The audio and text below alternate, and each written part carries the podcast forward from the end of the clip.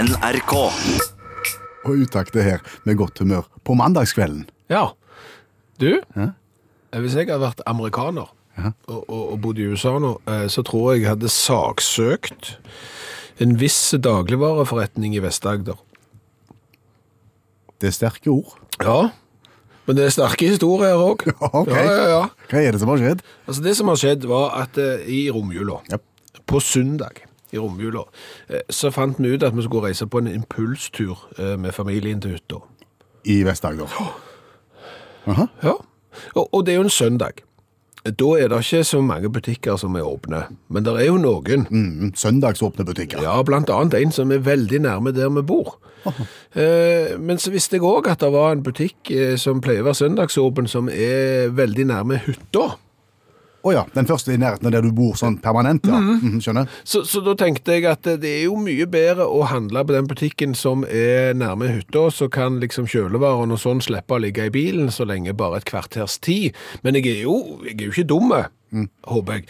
Eh, Så jeg sjekket jo eh, på nettsidene til butikken der i Vest-Agder at hm, den er åpen på søndag. Ingen problem, den er åpen på søndag. Hva stengt på mandag, sto det.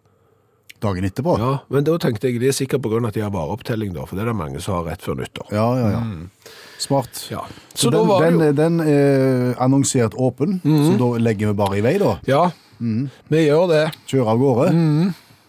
Jeg aner hvor dette bærer. Mm, Ja, det aner du. Ja. Ja. For når vi kommer fram til den butikken som Eller hadde du noe som helst med deg, forresten? Om jeg hadde med meg noe, nei. Ja. Nei, jeg, jeg hadde ingenting med meg. Skulle handle på veien. Absolutt ingenting? Nei. Nei. Reiste med tomme bil. Ja, OK. Ingenting hadde jeg med meg. Hadde ikke tatt med meg noe overskudds roastbiff fra julekalaset engang. Ingenting. Tomt. Ikke dopapir. Ikke oppvaskmiddel. Ingenting hadde jeg med. Så kommer vi fram til butikken som skal ha søndagsåpent. Ja. Har den det? Nei. Nei, den har ikke det. Det er kolossalt mange folk i butikken, da. Å! Ja, ja, og enormt med biler ute. Å, ja.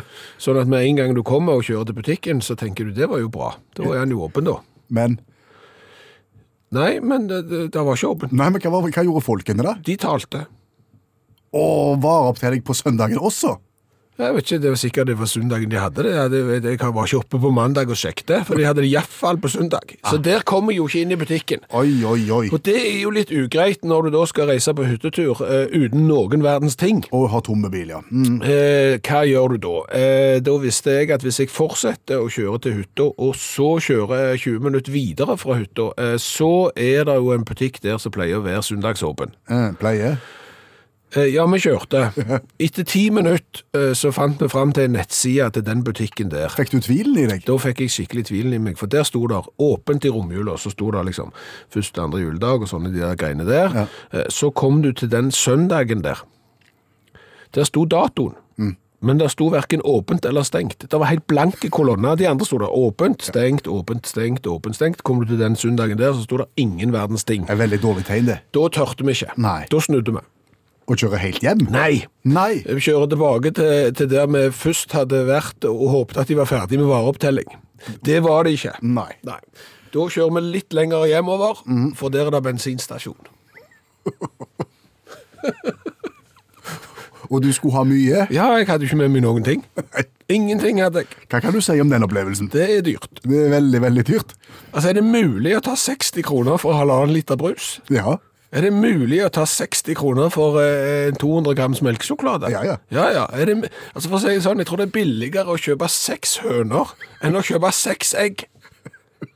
For de har ikke spesielt mye pålegg heller, så du kommer ut med sånn pålegg som du aldri ellers kjøper.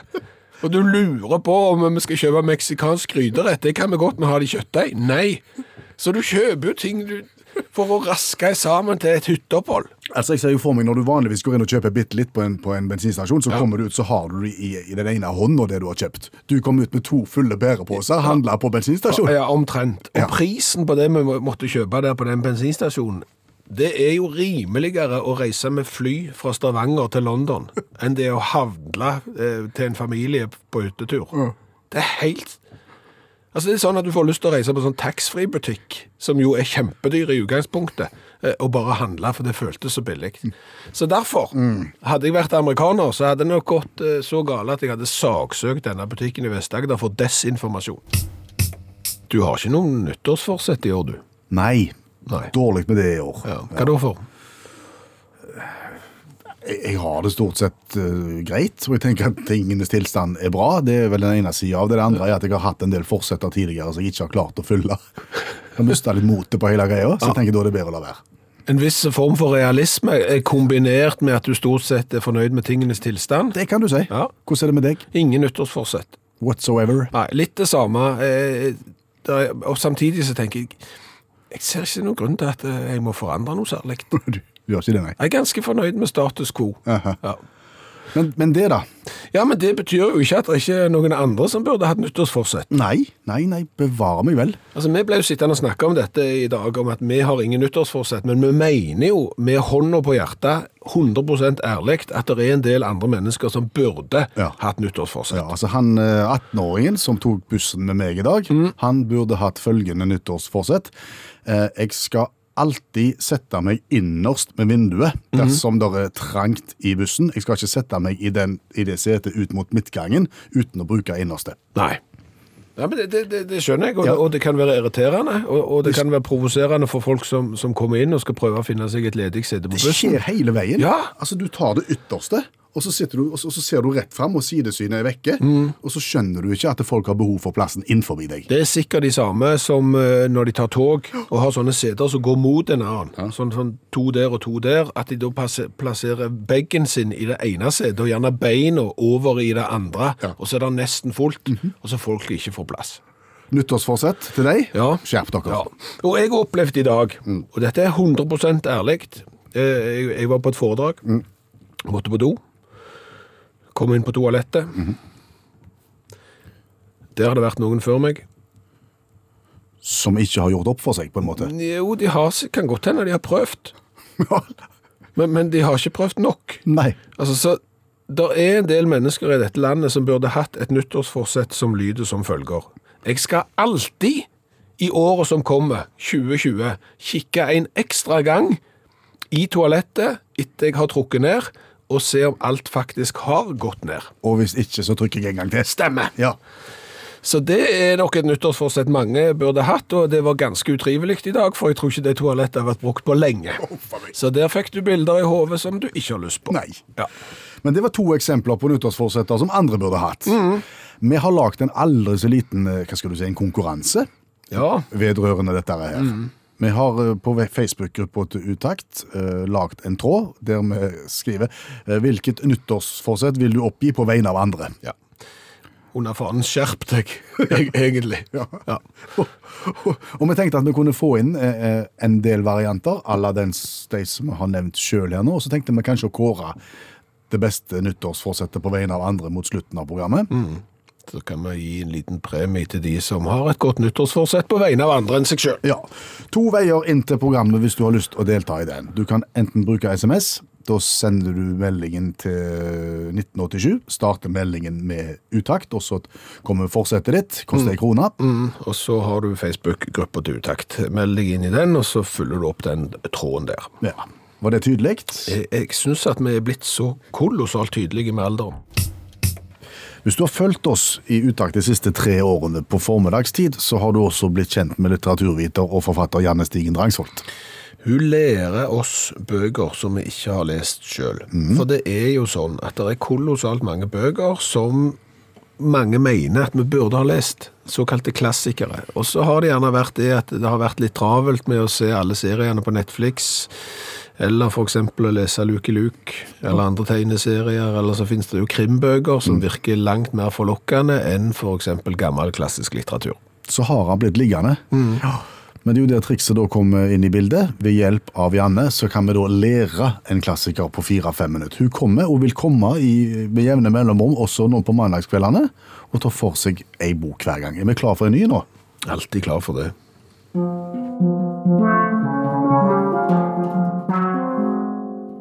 Død på kreditt fra 1936 av Celine. Verden er bokstavelig talt et drittsted. Det var alt så langt. Det er alt så langt. Altså, nå har Så Død på kreditt høres jo ut som eh, ei bok som jeg kunne skrevet sjøl, en sjølbiografi. Død av kreditt. Ja.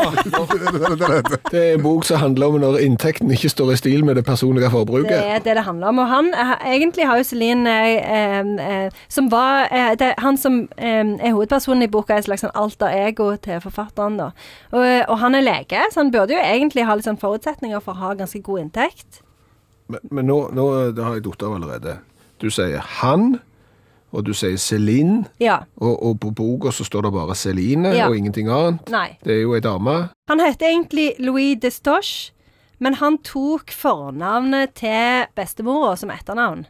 Eh, for det syns han var kult. Ok. Eh, Men han eh, han skriver eh, bøker som ble oppfatta som ekstremt kontroversielle og eksperimentelle i samtida si, og òg nå, egentlig. Han skriver mye om eh, kroppslige funksjoner. Eh, eh, mye guffent. Veldig ekkelt. Så jeg vil ikke anbefale noen å lese denne mens de spiser kveldsmat, f.eks. Nei. Og eh, mø- store deler av boka er fortalt i feberfantasi, så det er òg litt sånn vanskelig å følge eh, til tider. kanskje, egentlig ikke. Hva handler det om? Han handler om denne her legen som eh, jobber blant de fattige i Paris, eh, og som egentlig hater mennesker. Eh, hater seg sjøl. Eh, vurderer å verve seg til krigen, eh, men får liksom lite til. Eh, og så på et tidspunkt så er det ei som kaster opp inn i munnen hans. Det er ganske ekkelt. Så, men eh, det som er med Celine, er at han er en ganske sånn kontroversiell figur, som sagt, i fransk eh, litteratur. Han eh, skrev tre sånne antisemittiske tekster eh, under krigen, eh, og havna i dansk fengsel, faktisk, eh, etter andre verdenskrig. Så han er ikke liksom sånn eh, veldig sånn populær, eh, enkel type å forholde seg til. Og jeg kan òg legge til at Celine det var liksom ikke bare det at han var antisemitt, men han likte ikke mennesker eh, så veldig godt i det hele tatt. Da. Og det eh, kan jeg jo være enig i. Mennesker er jo ofte litt sånn vanskelige å like. Men han elsker dyr, da. Så han skal visstnok ha hatt eh, syv schæferhunder, fire-fem katter, skilpadder, pinnsvin og en papegøye hjemme. Sier du det? Jeg Syv schæferhunder! har ikke lyst til å ha han med på hyttetur. Nei, herre mann. Kan jeg ha med schæferhundene? Er det- Klarer du også å hente ut et sitat fra Ja, dette ja, ja. verket? ja, ja, ja. Eh, jeg hadde tenkt å ha eh, det der eh, Oppkast. hvor hun sitat, ja. dama kasta opp inn i munnen hans, men det var litt ekkelt, så jeg tok det ikke med. Så, eh, men jeg tok dette heller. Jeg vet ikke om jeg er død eller levende. Eh, Død på kreditt heter boka. Klarer du kortversjonen? Og er et erkeeksempel på at eh, spalten Kjente bøker på fire minutter virkelig har noe for seg. For dette har jo sannsynligvis ingen lyst til å lese, men det er mange i tweedjakke og pologenser som blir sinnssykt imponerte hvis du kan si at du har lest den. Og nå kan du si at du har lest den uten å ha lest den. Du kan det, og, og, og det kommer til å bli mye, mye gøyere å mingle eh, neste gang du er på fest. Sleng rundt deg med Celine og Du må bare ikke si 'My heart will go on' eller 'Titanic'. Nei, da, det- da går du rett til Ja, ja, bunns. det må du unngå. Eh, så så altså, du, må, du må ikke dra inn Celine Dion for alt i verden. Altså, da kan du liksom bare, godt bare gå hjem Mm. eh, etterpå. Du må konsentrere deg. Jo, men tenk deg den performancekunsten, da. Hvis du er på fest, siterer Celine-boka her, Død på kreditt, spyr sidemannen i munnen, sier my heart will go on. Takk for i dag. Det, det, blir, det blir ikke større. Nei, og det er jo, det er jo litt i Celine sin, sin ånd, da, hvis du, skulle, hvis du skulle velge den varianten. Det er det. Celine sin Celine sin Dion. ånd. Nei, ikke Celine Sion Dion sin sin ånd, ånd. sin- Ja. Celine Dion sin ånd. sin ånd. My heart will go on. Da sier vi det sånn. Tusen takk, eh, Janne Stigen Dragsvold, forfatter og litteraturviter. Takk for meg. Wherever you are. Bjørn Rune har sendt oss et veldig interessant innspill. Ja. Jeg kan skrive. Bjørn Rune, s- er det andre som ønsker å se på sisteetappen av Tour de Ski i motsatt retning? Spør Bjørn Rune. Ikke før nå, tenker jeg. Nei, jeg har faktisk ikke tenkt tanken, men nå når Bjørn Rune har så tanken om å se siste etappen i Tour de Ski motsatt vei, så vil jeg si ja takk. Ja, takk. For nå må, vi, nå må vi beskrive sisteetappen av Tour de Ski. Det er en ni kilometer lang eh, fellesstart i langrenn. Der går du da s- 5,5 km ca. Ganske flatt. Ja. Ikke spesielt spennende. Alle kommer stort sett i samla flokk eh, fram til bånn av en slalåmbakke. Da er det 3,6 km igjen av løpet. Rett opp. Ja. Da skal du gå eh, 420 høydemeter, en gjennomsnittlig stigning på 11,6 og maksimal helling i denne bakken på 28 Ja. Og hvis du satt og så på dette, her, så ser du at eh, tidvis så klarer de jo ikke å gli på kinoer engang. Nei. De, de bare går oppover, så bratt er det. Ja, ser nesten ut som de er resignert av og til. Ja. Det Så, er så. blytungt, ja. rett og slett. Eh, Og hva ski går de på? De går på tynne, tynne lang, langrennsski. Ja. Ja. Og, og hva drakt har de på seg? Kontomdress. Kondomdress, ja. Mm. Se for deg dette da i motsatt rekkefølge. Fellesstart, for det første. Ja, altså da er det 100 mann med tynne, tynne, tynne langrennsski i eh, kondomdress på toppen. På toppen av en slalåmbakke, ja. Mm. Eh, 3,6 km ned. 420 høydemeter. Alle tiders. Rett ned. Ja. Da hadde du fått sl- skille Clinton ifra hveten, tenker jeg. Hjelpe meg. Det hadde vært gøy. Det hadde vært utrolig å se på. Ja. Men ten- tenk på det der slagmarka nede i bånn der. Ja, Mulig at det er en eller annen sånn HMS-ansvarlig i Det internasjonale skiforbundet som hadde satt skien ned og sagt at det ikke går, men tanken er jo god. Bjørn Rune. Ing- ikke, ikke, la deg, ikke la deg stoppe. Tanken Nei. er jo steikegod, og det får oss jo til å spinne litt videre. Ja, for du kan jo snu dette her til å tenke alpint. Ja, Alpinister ville jo klart fint å rent ned den bakken der i fulle, fulle fart. Med Mhm. sine dresser og sine breie ski og sine støvler og sine hjelmer. Mm. Men hvordan hadde de klart seg oppover? Tenk det hvis du fikk eh, Kilde og de andre der i, Mm. i slalåmstøvler, hjelm og bøyde sånne utforstaver Ja. opp Bakken. Valgardena, den er vel en av de lengste utforløpene som finnes. De bruker vel mange minutter ned. Mm. Da skulle vi sitte. Hvis du har prøvd å gå bortover med alpint utstyr så, så, altså, Jeg husker jo han når vi skulle på skoletur, Ja. på langrennstur, Ja. sånn tre-fire kilometer innover i heia. Ja. Det var jo ikke så kult med, med langrennsski den gang. Det var jo de tøffe som hadde, hadde jo alpint. Ja. Så den tøffeste av de alle, han stil, stilte jo i alpint utstyr. På Og på langrennstur. Ja. Når vi skulle gå tre-fire kilometer innover, rett over. Han, han var jo fullstendig utslitt etter 400 meter. Det er Ikke tilfeldigvis i dongeribukse òg. Nei, nei, nei, han hadde jo utstyr, som jeg sier. Han hadde Å, jo ja. dress og hjelm. Og, for han var sånn som var veldig god til å renne nedover. Ok. Ja, ja. Nå finnes det jo sånne som nå går på det som jeg kaller på alpinski, men de kaller det vel for randonee nå. Randonee. Ja, det er sånne ligner på slalåmstøvler eh, og ligner på slalåmski, men så kan du løfte hælen, og så går du og går du og går du og går du oppover i timevis, og så renner du ned på tre minutter. Ah, ok. Takk, Bjørn Rune, for innspillet. Har du fått fartsbod noen gang? Nei. Aldri. Aldri. Nei. Nei, så da regner det ikke, altså. Nei, nei, nei, ehm, aldri, nei. Eh, Kjenner du noen som har fått? Fartsbot? Ja. ja, det er opptil flere. Ok, vet du om det regner da? Om det regna Ja, når de fikk boten? ja, Ingen aning. nei. Altså, for jeg har fått fartsbot. Ja. Eh, noen ganger. Og da regner det ikke. Noen ganger opptil flere, altså. Eh, tre. Ok. Og da regner det ikke. Og, og, og så har jeg snakket med andre som har fått fartsbot, og, og da regner det heller ikke. Så du har lagd deg noen teorier nå, kanskje, kjenner jeg deg rett, Mm. om hvorfor Altså vær satt opp imot fartsbot.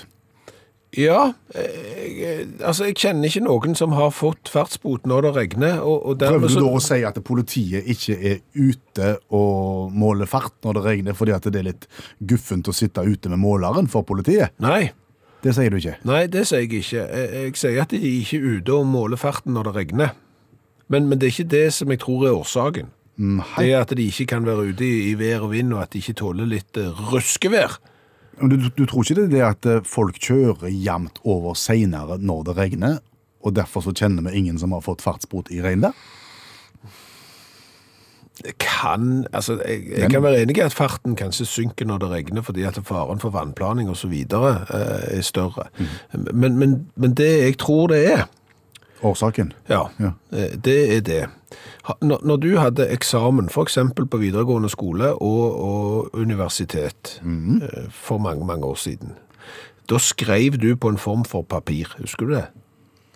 Ja, et sånn type gjennomslagspapir. Ja. Mhm. At det var egentlig tre papirer oppå hverandre. Så det var litt sånn bløtt og litt tungt å skrive på. på en Ja, måte. stemmer. Sånne eh, papir eh, er det iallfall det jeg husker at politiet skriver fartsbøter på. Sånn gjennomslagspapir. Fordi at du skal ha en kopi, de skal ha en kopi, og så skal den sendes til en eller annen sånn innkrevingssentral. Jeg vet ikke hvor de havner, disse kopiene, men det er jo det de skriver på, da. Og jeg kan ikke tenke meg noe dårligere papir i regnvær enn det. Altså vått sånn gjennomslagspapir. Bare søl. Det blir bare søl. Så, så der er jo da min teori om at eh, når det da regner, så funker ikke dette gjennomslagspapiret, og dermed så blir det heller ikke fartskontroll i, i regnvær. Men parkeringsbot derimot, Det går fint. ja ja, for hva er den lagd Ja, av? Den er lagd av noe langt gult noe. Ja, s- som er, virker som en sånn laminert form for papir, altså mye mer værbestandig, og det skal ikke skrives eh, tre kopier, så den blir klistra på vinduet ditt, uansett om det regner. Fartsbot, tre lags et eller annet, Tror du teorien inneholder vann? Eh, ikke sikker. Nei. Jeg, la meg gjette at det vil nå ta ca. 15 sekunder. Så vil vi enten ha en SMS eller et Facebook-innlegg som sier at jo da, jeg fikk bot når det regna. Ja, da kan du ikke telle.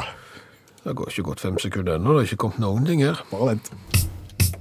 Du hører utakt på mandagskvelden. Ny sendetid, men ellers er mye det samme. Ja, besøk òg er det samme. Ja. Hver eneste mandag vil allmennlærer med to vekttall i musikk, Olav Hove, gjeste oss. Og det er vi glad for. Hei, Olav. Hallo, hallo. Nå har vi snakket om eh, bøter og, og pøsregn. Har du noen erfaringer å dele med oss så i måte? Jeg har aldri fått bot i pøsregn. Jeg har fått noen i godt vær, da, men ikke i pøsregn. Du har fått bøter. Ja, jeg fikk i en undersjøisk tunnel en gang. Ja, Det regner det ikke. Nei, Nei. nei, nei. Og så fikk jeg i eh, lettsky oppholdsvær i Bergen en gang. og, sånn, jeg- Det var den, det var den dagen. ja, ja, ja. og så fikk jeg eh, fartsbot i Dale i Sunnfjord en gang, men da satt jeg på. Du fikk Bot under fartskontroll, men da satt jeg på.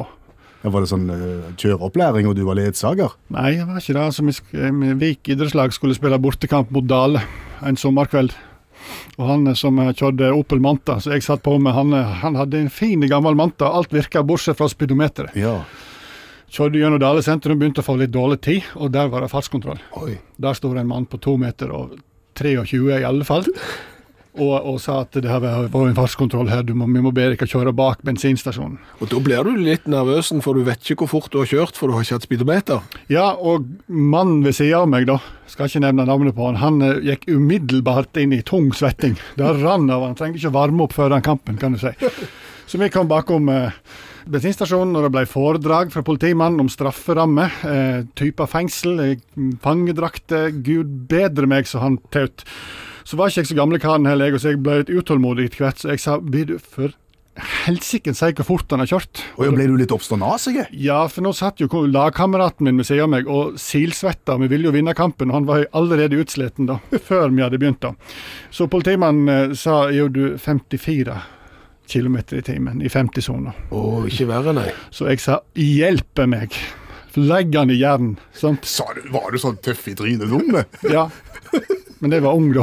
var veldig ung og Han var- naiv. Ung, ja, jeg var Ung og hadde hår. Ja, det hadde jeg òg. Ja. Jeg var begynner å bli våt i luggen, jeg òg da. Ja, så Bare det var kjekt. Du, men Hva men hva sier politimannen når du da harselerer med størrelsen på boten i forhold til fartsovertredelsen? Han sa her er boten til han som kjørte bilen, og så må jeg ta en liten prat med kompisen din. Så gikk han på andre sida av bilen og pekt, indikerte at jeg skulle ta ned vinduet, noe jeg så gjorde. Og så påpekte han at jeg ikke hadde bilbelte på meg.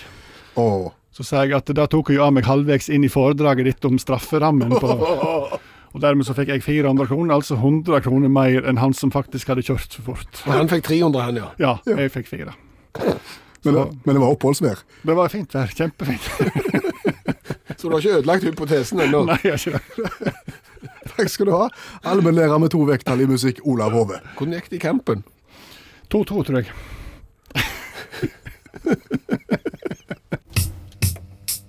Hvorfor kan ikke innpakningspapir være papir? Så vidt jeg vet, så er innpakningspapir papir. Ja, det er papir, men det er ikke papir. Altså, når du ja, Nå er det sikkert noen som vil kritisere oss for å være eh, vel bakpå når vi snakker om innpakningspapir eh, mange, mange mange dager etter jul, eh, men jeg vil heller si at vi er veldig tidlig ute. Og ja, for nå snakker vi proaktivt i forhold til neste jul. Ja. Ja. Eh, Men når du feirer julaften nå, Ja, eh, hvor mange sekker med eh, innpakningspapir? ja det, det ble noen poser og sekker, ja, Ja. som måtte ut etterpå, på Ja. kveldstid. Ja. Og de skal jo da ikke i papiravfallet. Nei, det skal i restavfallet. Ja, eh, fordi at det ikke er papir.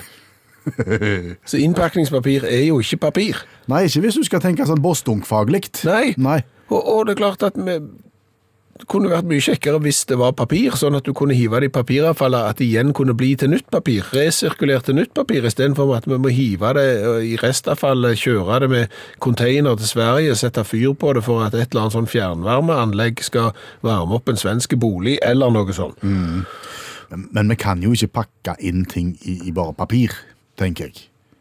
For det skal jo være litt fint, det skal jo være litt pyntete, det skal jo se litt flott ut. Ja, med bilder og nisser og, og snøfnugg og, og, og sånn på. Ja. Jo, men det er jo sånn at hvis du for eksempel kjøper ei avis, så er det jo bilder der. Ja, men det er bare fisk du pakker, pakker avis inn med avis. Nei, men, men det er jo trykk, det er jo trykk på papir. Eh, Skjønner. Du kan printe ut et ark hjemme med for eksempel et familiebilde på. Det er fremdeles et papir, og skal i papiravfallet. Du kan kjøpe et ukeblad som er glansa på. Du kan kjøpe andre ting også som er glansa papir. Eh, men det skal du ikke pakke inn. Det skal du for all del ikke pakke inn julegaver i. Men, men det òg havner jo i papiravfallet. Ja, hvis du pakker inn pakken din i alders, Ja, fins alders. har ikke peiling. Nei. Eller familien. Ja, da skal det i papiravfallet, ja. Ja. Mens innpakningspapir er da et papir som er definert som skal eh, i restavfallet. Ja. Og Kunne vi ikke bare sagt at vet du hva, eh, innpakningspapir sånn som vi kjenner det, det er historie. Nå skal innpakningspapir bli innpakningspapir. Da må du gjøre noe med innpakningspapiret. Ja, men det er jo det jeg sitter her og sier. Ja, men hva skal du gjøre da? Ja, men det er jo for eksempel det samme som de gjør når de lager eh, ukeblad, aldersfamilien, Se og Hør, eller når de lager avis, eller trykker et eller annet eh, dokument. på print. Det går jo an å lage et papir som er et papir som allikevel ser fint ut. Skjønner. Ja. og da er vi proaktive. Det er de som samler opp på papir på innpakningspapir, som ikke får dette problemet her. Fordi når de pakker pakken sin på julaften, så bretter de det fint sammen. De bruker litt lang tid når de, når de åpner. Ja. Litt irriterende lang tid. Ja, det, kan jeg, det kjenner jeg igjen, ja. Og så bretter de fint, og så legger de til sides. Ja, for det var så flott. Ja. så sparer de. Jeg skulle likt å vært hos de i november, desember året etterpå og sett om de faktisk tok fram det gamle papiret når de pakket inn igjen. For det hadde jeg har ikke fått gaver av de eh, med resirkulert papir som har vært bretta og, og lagra en sesong. Nei. Nei. Allmennlærer med to vekttall i musikk, Olav Hove, er fortsatt eh, blant oss. Vi har gått Og godt er det. Har ikke dødd eh, det siste kvarteret. Og, og jeg tenkte, Olav, når du nå er her, og vi har gått inn i et nytt tiår Ja. Om, om, om ikke vi skulle sett litt på det, om det er noen tanker om det nye tiåret, f.eks. Mm. For det er jo alltid eh, det er typisk masse spådommer. Det er jo hver nyttår, egentlig. Da. Men nå er det nytt tiår, så det er enda mer spådommer. Og det er jo slik med spådommer at ofte så er de ganske usannsynlige, og da er det ofte én som eh, har kommet med dem. Eh, Og ingen har hevet seg på, så er det nokså mange heiver seg på. Og da kan det jo hende det er noe i dem. Og da veit vi jo ofte hva som blir spådd, eh, miljø ditt og eh, ja, alt politikk datt. Men så er det én sånn spådom da, som jeg har tenkt på, som har vært mast om i 200 år at 2020-tallet kommer til å bli preget av, som på en måte har gått litt under radaren. Ok, altså en, en spådom som ble lan- lansert for 200 år siden, vedrørende det tiåret vi går inn i nå. Ja, det, og, og det er rakettposten. Rakettposten. Ja, kjenner du til kjenner Høres du, ut som en skoleavis fra NASA. eller noe sånt. Ja, og, Nei, nei, rak, jeg vet ikke om du kjenner til evolusjonen til rakettpost, men, eh, men det var iallfall så poeten eh, eh, Heinrich von Kleist som på 1800-tallet fant ut at han skulle Han var litt lei av treg postgang, og ville begynne å sende brev til sine venner med rakett. Fant ut at brev var litt tungt, så han tok små beskjeder. Og så brukte han fyrverkeri. Tenk for en grassat irriterende fyr. Men ideen var liksom sådd, da. Sant? At her skal du sende ra- post med raketter. Ja. Så han ble, eh, han ble venneløs, og, og ble ikke noe særlig av eh, denne her eh, oppfinnelsen, altså han kalte det. Men, eh, men så gikk det litt slag i slag, og 70 år etterpå så tok franskmannen Jede Schnitz Schneider opp eh, kan, du Hansken. kan du ta navnet en gang til? Jede Schneider Han hadde tysk onkel eller et eller annet. Iallfall, han, han, han, han tok og sendte inn en sånn patentsøknad. Ja, På rakettpost. på rakettpost eh, i forbindelse med Prøysen sin baile bailering av Paris. Bailering. Ba nei, hva heter det? da? Beil- bele- Beleiring Beleiring. var all Prøysen i Berlin. ja. Nei, det var Paris, da. Ja. Det var kongeriket Prøysen. Ikke det. Da ble det mye tøys her. Det gjorde det. Men Det er seint òg. Dra krakken bort mot Paris. Nei, det var kongeriket Prøysen, da. Han, søkte, han søkte, for han ville sende rakettpost til skyttergraven da, Ok. og informere soldatene om hvor gale krig var. Ja. Kjempeidé, sant? Der ligger du i skyttergraven, og så kommer det bingende rakett fra kompisen din. Så skal bare si 'det er greit her borte'. Så smedler det, og så vet, Det er en beskjed der. Å ja, krig er dumt. Nei, men så, så var, var po- poenget da, Han fikk innvilga patenten, da, men da var eh, beleiringen over. Så det hjalp ikke. Det ble ikke noe av det. Så Rakettpost mista helt eh, momentum, men så kom da eh, øygruppa Tonga inn i bildet i 1899. For ei ei av øyene er, er, på Tonga er Niuafu-u. Niuafu-u. New AFO. Yep. Den er, det er vulkanske mm, øy, da. Masse rev og klipper og, og, og hai og strømmer. Og veldig vanskelig, ikke bare for tongolesiske myndigheter, å uttale navnet på øy, men òg å levere post. Mm, skjønner vi hva dette her De vil bruke rakettpost inn på øya. Ja, du veit at New Afo U er jo kjent som blikkboksøya, fordi at eneste måten å levere post på var å slenge en blikkboks ut i havet eh, sør for øy, og så sømde lokalbefolkningen ut og henta blikkboksen. Mange ble jo tatt av hei og strømmer og sånn bla, bla, alt det der. Så det, det, sånn var det. Så da begynte de med raketter, og da var det litt sånn du hadde litt hastverk, og så sa de skal vi lage nye raketter? Nei da, vi har jo masse kasserte raketter fra New Zealand-krigen som slutta 30 år før. Kan anbefale alle som vil begynne med rakettpost, ikke finn kasserte raketter fra 30 år før. Så de, skulle, men de, hadde, de gjorde 50 forsøk på å sende raketter, altså sør for øy, og skulle da sende det rett nord, ca. 500 meter. Eh, fire stykker traff øy, faktisk. Ok. Ja, Men der brann opp all posten. da. Ni gikk rett øst. Tolv gikk rett vest. alle gikk for så vidt rest vest. men 17 gikk sør, og Resten gikk rett nord. Altså, eh, den- s- s- resten gikk i motsatt retning, altså. Jo, men Ja. eh, unnskyld at jeg nå som eh, kritisk journalist kom med et spørsmål her. Men vi kom til 1899, og du har sagt at rakettpost handler om 2020. Ja, så er poenget da Poenget er at tongolesiske myndigheter de sa da at n- ja, dette her er ikke helt dette er ikke helt i boks ennå, Nei. men rundt 2020 så kommer dette her til å være helt normalt. OK. Ja, Så gikk de tilbake og så på disse her, han som hadde prøvd med skyttergraven og sånne ting. Han hadde sagt akkurat det samme. Han hadde sagt at nå har vi kommer passert 2000, 2020, så er rakettpost helt vanlig. Og så gikk det slag i slag, vet du. Og, og, og Gerhard Zucker, f.eks., tysk rakettinteressert eh, antropolog. Han reiste jo til England i 1934 og gjorde 20 forsøk med rakettpost. Og Det er interessant. Det er lite, lite papir på han, men han ble deportert ni måneder etterpå. Og det sier jo litt. Du trenger kanskje ikke mye info på det, da. Men, og, men han sa da, mens han hang i- 2020, sa han. ja, han sa det, vet du. Dette her kommer til å være helt vanlig. Jeg er et geni, jeg er forut for min tid. da. Og sånn var det. Steven Smith, han var i India. Han var jo engelskmann. Engelskmennene var ikke noe bedre. Kjent for mannen som fulgte rakettposten til India. Og han gjorde mange suksessfulle eksperiment med rakettpost, ifølge han sjøl. Han sendte nemlig 143 brev fra et skip og inn til Sagarøyene. 140 kom fram, ifølge han sjøl.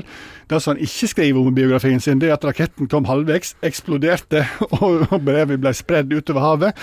Og 30 mann brukte ni dager på å fange opp brevene, men 140 kom fram, da, for all del. da. Han er også, titulerer seg òg som førstemann som har kjørt rakettpost ø- over ei elv. Eller 20 meter, som det heter. Men han òg sa det. Jeg veit de ler av meg nå, men i 2020-tallet så er dette her helt vanlig. Ja, Så da er det bare å vente, da. da er det Godt nyttår, folkens. Søk dekning. Snart kommer dere.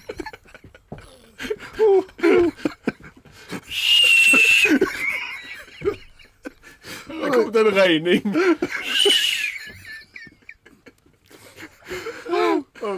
Tusen takk, allmennlærer med to vekttall i musikk, Olav Hove. Og Utakt er tilbake på mandagskvelden. Dette er første program i det nye året. og Vi ble sittende og snakke om nyttårsforsetter tidlig i programmet, og vi slo vel fast at sjøl så har vi få og ingen. Ja, Vi har ikke bare få, vi har ingen, rett og slett. Det handler litt om at eh, vi har hatt nyttårsforsett før, og det går ikke så bra. Eh, og dessuten så er vi egentlig ganske fornøyde med tingenes tilstand. Ja.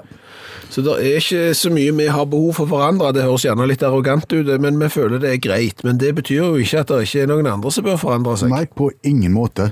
Så vi har jo utlyst en slags konkurranse i kveld, der vi har spurt eh, hva for et nyttårsforsett syns du andre bør ha? Mm. Og det har vært voldsom respons.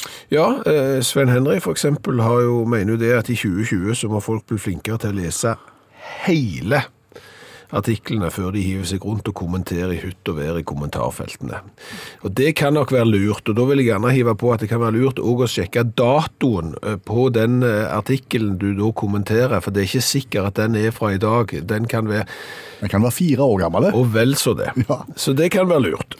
Siri eh, ber om at folk har følgende av nyttårsforsett. Slutt å krasje på E18 ut av Oslo midt i rushet, for det blir så mye kø av det. Ja, det, det tror jeg kan være lurt, ikke bare på E18 ut av Oslo midt i rushet, det kan være lurt andre plasser i Norge òg.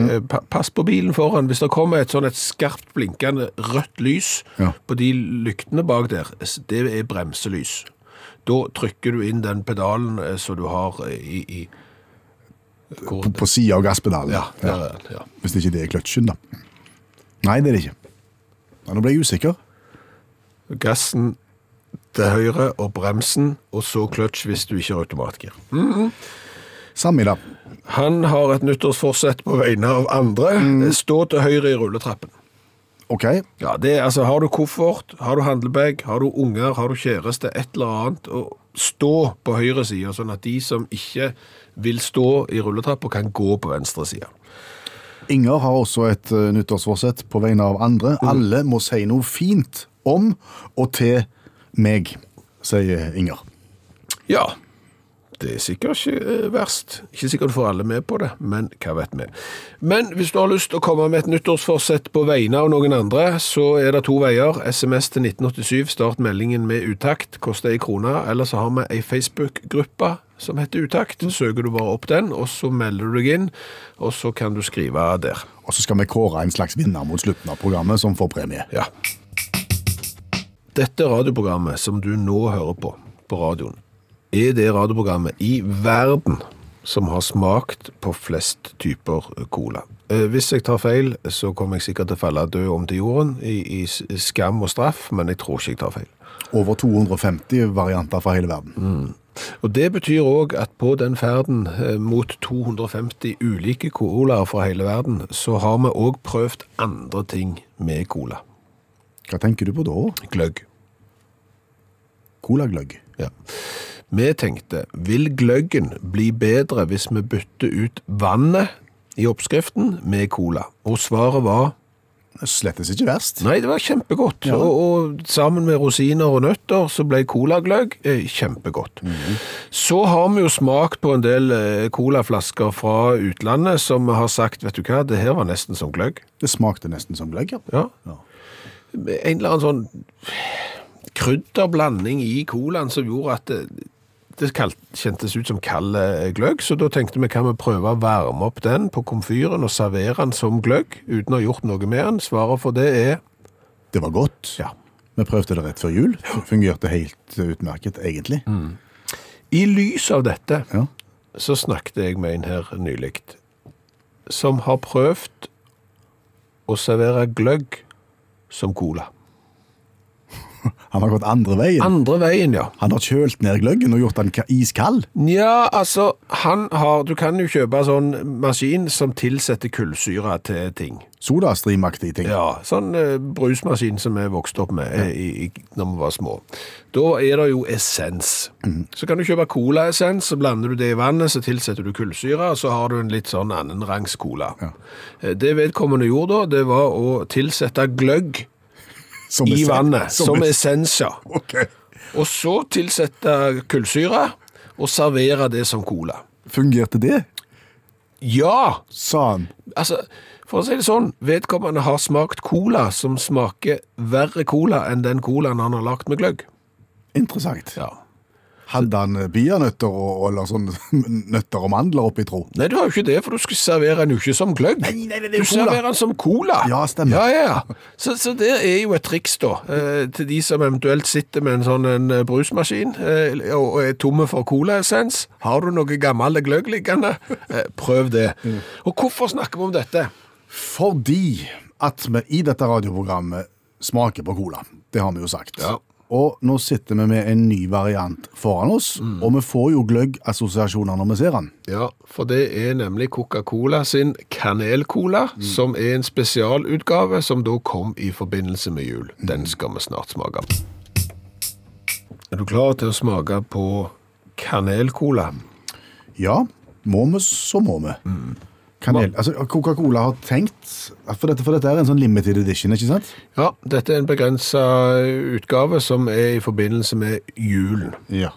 Og, og det er svært mange som har tatt kontakt med oss og sier har dere smakt kanelcolaen i julen? Har dere smakt kanelcolaen i julen? Og jeg vet om noen som gikk i butikken og skulle kjøpe halvannen liter med brus. Eh, og det er fort gjort når det er såpass likt. De kommer hjem med halvannen liter kanelcola. Oi sann. Og det hadde de ikke lyst på. Hvorfor koble Coca-Cola kanel med jul? Ja, Det lurer jeg òg på. Hva- Hvorfor er kanelen julens krydder? Jeg tenker jo grøt. Fordi at du har kanel på grøten, og, og grøt er jo gjerne forbundet med jul. Grøtfest og julegrøt og mandelgrøt osv. Ja, så du, når du spiser grøt for eksempel i september på lørdag, eh, så har du ikke kanel på da? Jo. Jo, Mm. så hvis du har kanelboller i mai, eh, så har du Ja, kanel lå, ja. ja, ja, skillingsboller, kanel da òg. og- Altså, det, der falt den. Ja, jeg syns jo det. Jeg har prøvd å finne ut, liksom, og det er fem julekrydder. Ingefær, nellik, kanel, muskat og gurkemeie. Jeg ble ikke i julestemning av gurkemeie, jeg må bare innrømme det. Eh, Ikke muskat heller, og ikke kanel. Ja, Det er klart, men, Ikke nellik, og ikke ingefær. men hvis dette valget til Coca-Cola sto mellom gurkemeie-cola og, og kanel-cola, så skjønner jeg at de falt ned på kanelen. Ja, det kan vi jo ikke si ennå. Nei, men bare sånn språklig. Ja, OK, greit. Men er du klar? Ja, vi må bare smake på den. Altså, det er veldig lik etikett som Coca-Cola. Det er litt lysbrunt igjen. Ja. Så, så det kan være fort gjort å, å gå Og korken er ikke helt rød som vanlig Coca-Cola-kork. Den er lysbrun, den også. Mm. Sikkert da på grunn av kanelen.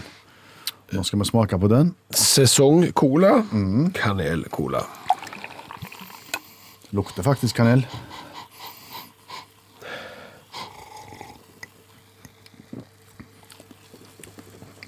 Hun smaker veldig kanel. Hva var poenget med dette? Altså Hvis du vil ha kaneldrikk, så vær så, så, vær så god. Ja, men Hvor mange kjenner du, helt ærlig med hånda på hjertet, nå som har gått inn en plass, liksom, vært på en restaurant eller en pub eller et eller annet sånt? Du har ikke noe som smaker kanel? Ingen? Nei. Nei. Nei. Og det, altså, Coca-Cola kunne for eksempel tog og så bare stått på en balkong i Atlanta i USA, der de har hovedkontor, så kunne de ropt ut, er det noen som har lyst at vi skal tilsette kanel i colaen? Det hadde ikke vært mange som rakk opp hånda. Nei. Så dette her kunne de bare ha, ha latt være. Helt 100 Smak Eh, Men det kan ikke være helt prins... Altså, uh, altså colafaglig så er det jo en, Det er krise. en- Ja, det er én i smak. Ja, det, det er én. Ja. Og design Nei, det er Nei, heller det er ikke det, det er simple greier. Ja. Fire totalt. Det er krise. For å si det sånn, de trenger ikke komme med neste jul. Nå skal vi dele ut premie. Nå skal vi dele ut premie til den som har kommet med det beste nyttårsforsettet på vegne av andre. Og det er en gjennomgangs... Et gjennomgangsforsett på vegne av andre. En ting som tydeligvis eh, irriterer. Kan du gjette? Mm, Blinklys. Riktig. Enormt mange mener at andre eh, bør begynne å bruke blinklys i 2020. Seriøst, bruk bl- blinklys syv sekunder før du manøvrerer kjøretøyet ditt. Det er første bud i trafikken. Bli sett og forstått. Kan det være så vrient? Da har vi tatt den. Ja. Eh, Johannes har følgende forsett på vegne av andre. Folk må lære seg om det er furet værbitt eller, eh, eller furuværbitt over vannet. Mm. Og, og forstå hva, hva det betyr i nasjonalsangen. Ja, men det tror jeg er lurt. Ja, altså, eller kan du ta varianten som er urettferdig over vannet, så sparer du, og så slipper du alt sammen. Mm. Urettferdig og Ja. Hilde, Nyttårsforsett på vegne av andre. Tenk over hvorfor vi har to ører og én munn. Lytt mer, med andre ord. Å, det er det det betyr. Godt poeng. Den var litt for dype for deg. Jeg tok den. Ok. Det er bra. Marit har et godt et. Alle andre kan være flinkere til å slutte å spise sjokolade. Alle andre? Ja, for det skal jo bare gjelde alle andre. Altså, det er et nyttårsforsett på vegne av alle andre, ikke sant? Sier Marit. Jo, det er helt rett. De andre må slutte å spise sjokolade. Marit kan fortsette. Anne sier folk bør ha følgende forsett. Alle må slutte å skamme seg for allting. Lev og gi litt F, sier Anne. Enige, ikke bry deg om hva andre syns. Eh, Hvis det er noen som skal synes at det du driver på med er bra, så er det noen som må synes at det du driver på med er dårlig. Sånn er det bare. Jan Eirik, sørg for litt mer global oppvarming av menneskenes hjerter. Det er poetisk vakkert sagt. Det er det. Wenche, raushet er gull. Raushet er gull, ja. Det er bare én bokstav fra det. Ja. Frode, folk må bli flinkere til å lytte hva jeg sier og følge mine anbefalinger. Alle tenker bare på seg. Bare jeg tenker på meg, sier Frode. Jo, men det kan jo hende. Altså, hvis Frode da er genial Altså, det er jo noe med tanken om den diktatoren som faktisk oppfører seg ordentlig. Altså, den gode diktatoren. Det er kanskje bare en myte, men kanskje Frode kan bli den eh, første. Diktator Frode. Ja. Egil Inge, folk må bli flinkere til å klage. Nå må ikke klaging sammenlignes med syting. Mm. Klaging bør gjennomleses av noen for bedømmelse før den formidles den det skal klages på. Ja, men jeg tror vi må, må klage. Vi må si fra at dette her, vet du hva, det her er ikke bra, det her finner jeg meg ikke i, men det må ikke være det samme som å syte. Åh, jeg har vondt. Ja. Jone, da. Hva sier han? Han sier at alle burde få seg ei 250 meter høy vindmølle i hagen i løpet av 2020. Hvorfor det? For da sparer vi naturen for de store inngrepene. Ja, det er lurt. Ja, Eh, Åge, da. Åge. Eh, Har nyttårsforsett. Eh, alle burde spille mer brettspill, Mm. og helst la Åge vinne. Da blir alt greiere. Ja, ja, det ser du. Gislaug til slutt. Eh, Skal vi si at det er Gislaug får premien? Det er Gislaug som får premien, ja. Mm. Og følgende Ja. Og dette er jo et nyttårsforsett som faktisk vi òg burde hatt, Per Øystein. Men vi hadde jo egentlig ikke nyttårsforsett, men dette gjelder også. Dette gjelder oss, det gjelder egentlig Ja. alle. Hør på dette. Før du kommenterer noe på nett, Mm. forestill deg at du skal lese det høyt for mor di, for kjæresten Mm. din, Ja. sjefen din Ja. og eventuelt ungene dine. OK. Hvis du tenker at du hadde fått grønt lys fra alle de, så kan du sove på det, og så kan du poste innlegget neste dag hvis du fremdeles ser like klokt på det som du har skrevet. Den er fin, Gislaug.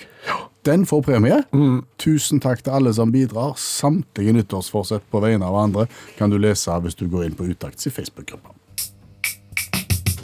Hva har vi lært i kveld? Mye. Bra.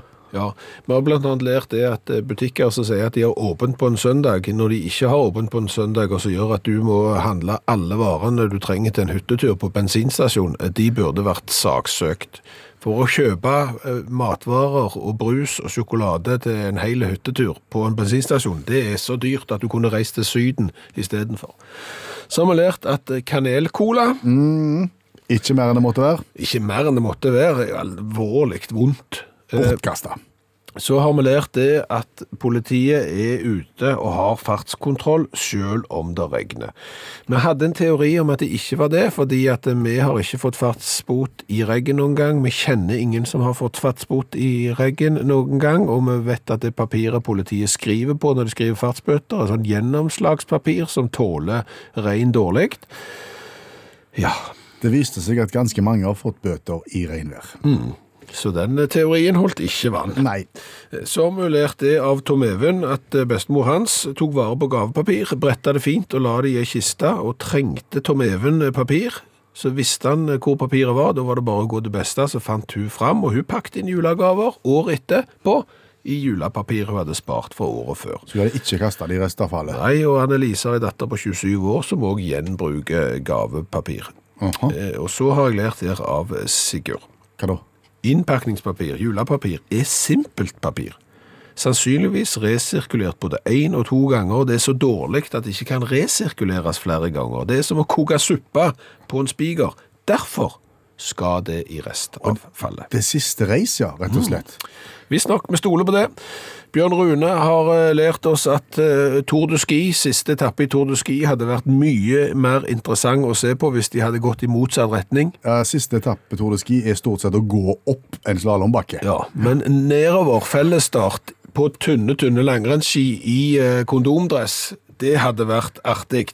Så har vi lært det av allmennlærer med to vekttall i musikk, at det går an å få bot av politiet som passasjer under en fartskontroll. Ja, for han var litt oppstandasig da, i forhold til eh, politiet. Mm. Så han fikk mer i bot enn han som kjørte for fort. Vi har også lært av Olav Hove at rakettpost har i over 200 år nå vært spådd som det som kommer til å prege året 2020. 2020 kommer til å bli året for rakettpost. Hva er rakettpost, da? Rakettpost, det er å sende post med rakett. Det ble jo blant annet prøvd når folk lå i skyttergravene. Og kan du tenke deg når du ligger i skyttergraven og blir beskutt av fienden, så får du post hjemmefra via rakett. Da er det blitt dårlig humør. Hør flere podkaster på nrk.no podkast.